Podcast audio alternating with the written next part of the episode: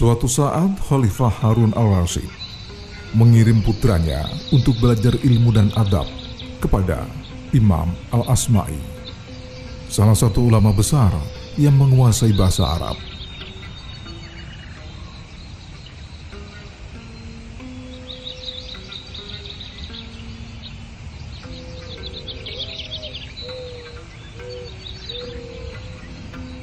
Suatu saat Harun Arasid menyaksikan Asamai sedang berwudu dan membasuh kakinya. Sementara itu putra Harun Arasid menuangkan air untuk sang guru.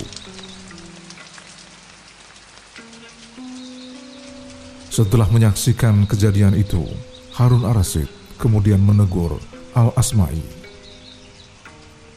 Sesungguhnya aku mengirimkan anakku kepadamu agar engkau mengajari ilmu dan adab.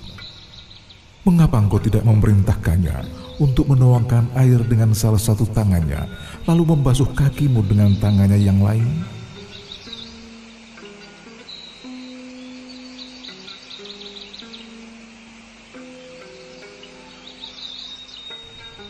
Pengajaran sikap tawadu Harun al-Rasyid pada putra-putranya tak hanya mengandalkan para ulama, tapi ia sendiri memberi tauladan.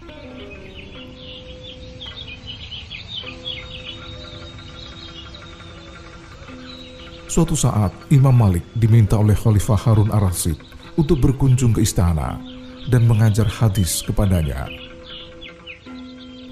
Imam Malik tak hanya menolak. Ulama yang bergelar Imam Dar al-Hijrah itu malah meminta agar khalifah yang datang sendiri ke rumahnya untuk belajar. Wahai Amirul Mukminin, ilmu itu tidak didatangi, juga tidak mendatangi Akhirnya Harun al-Rasyid datang pada Imam Malik untuk belajar. Meski seorang khalifah, Harun al-Rasyid mencari ilmu dengan cara yang biasa ditempuh oleh kalangan rakyat jelata, yakni dengan mendatangi para ulama. Tak hanya pada Imam Malik, Harun al-Rasyid juga menjaga ketawaduan di hadapan guru-guru dan para putranya. Pada suatu hari, Harun Arasir pernah meminta kepada Abu Yusuf, seorang kadi negara, untuk mengundang para ulama hadis agar mengajar hadis di istananya. Ternyata tidak ada yang merespon undangan itu, kecuali dua ulama, Abdullah bin Idris dan Isa bin Yunus. Mereka bersedia mengajarkan hadis, itu pun harus dengan syarat. Belajarnya harus dilaksanakan di rumah mereka tidak di istana.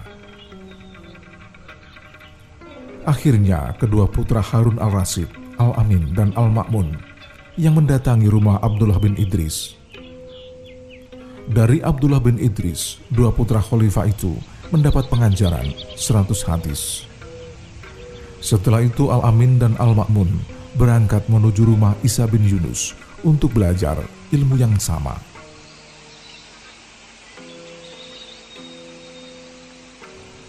Setelah kedua putra khalifah itu dinyatakan cukup mendapatkan ilmu hadis, sebagai ucapan terima kasih, Al-Ma'mun memberikan hadiah uang 10 ribu dirham.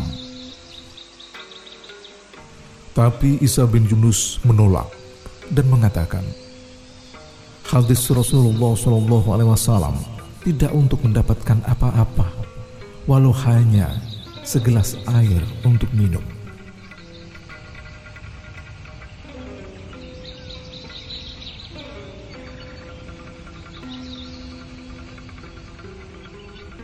Putra Harun al-Rasyid, Khalifah al-Ma'mun, juga berusaha untuk menumbuhkan sifat tawadu pada para putranya.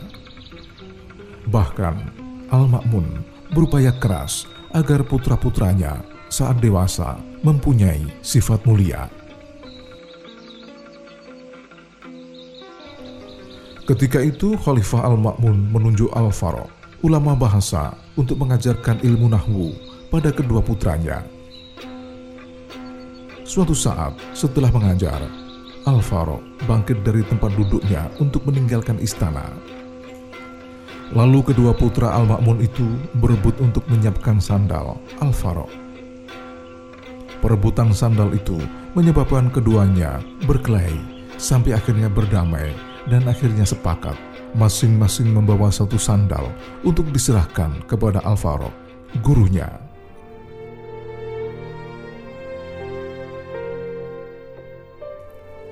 Kabar tentang perkelahian itu akhirnya sampai pada Khalifah Al-Ma'mun. Dia adalah orang yang paling disegani di seluruh penjuru Baghdad Sang Khalifah akhirnya memanggil Alvaro. Siapa orang di Baghdad ini yang paling terhormat? Paduka adalah orang yang paling dihormati di negeri ini. Lantas siapa orang yang menyebabkan perkelahian karena berebut membawa sandalnya? Tuanku, hamba sebenarnya hendak melarangnya.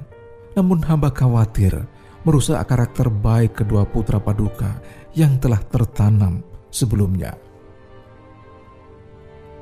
Alvaro, aku telah mengajari anakku, meski mereka dihormati, untuk bertawadu kepada tiga orang, yakni orang tuanya, guru, serta pemimpinnya.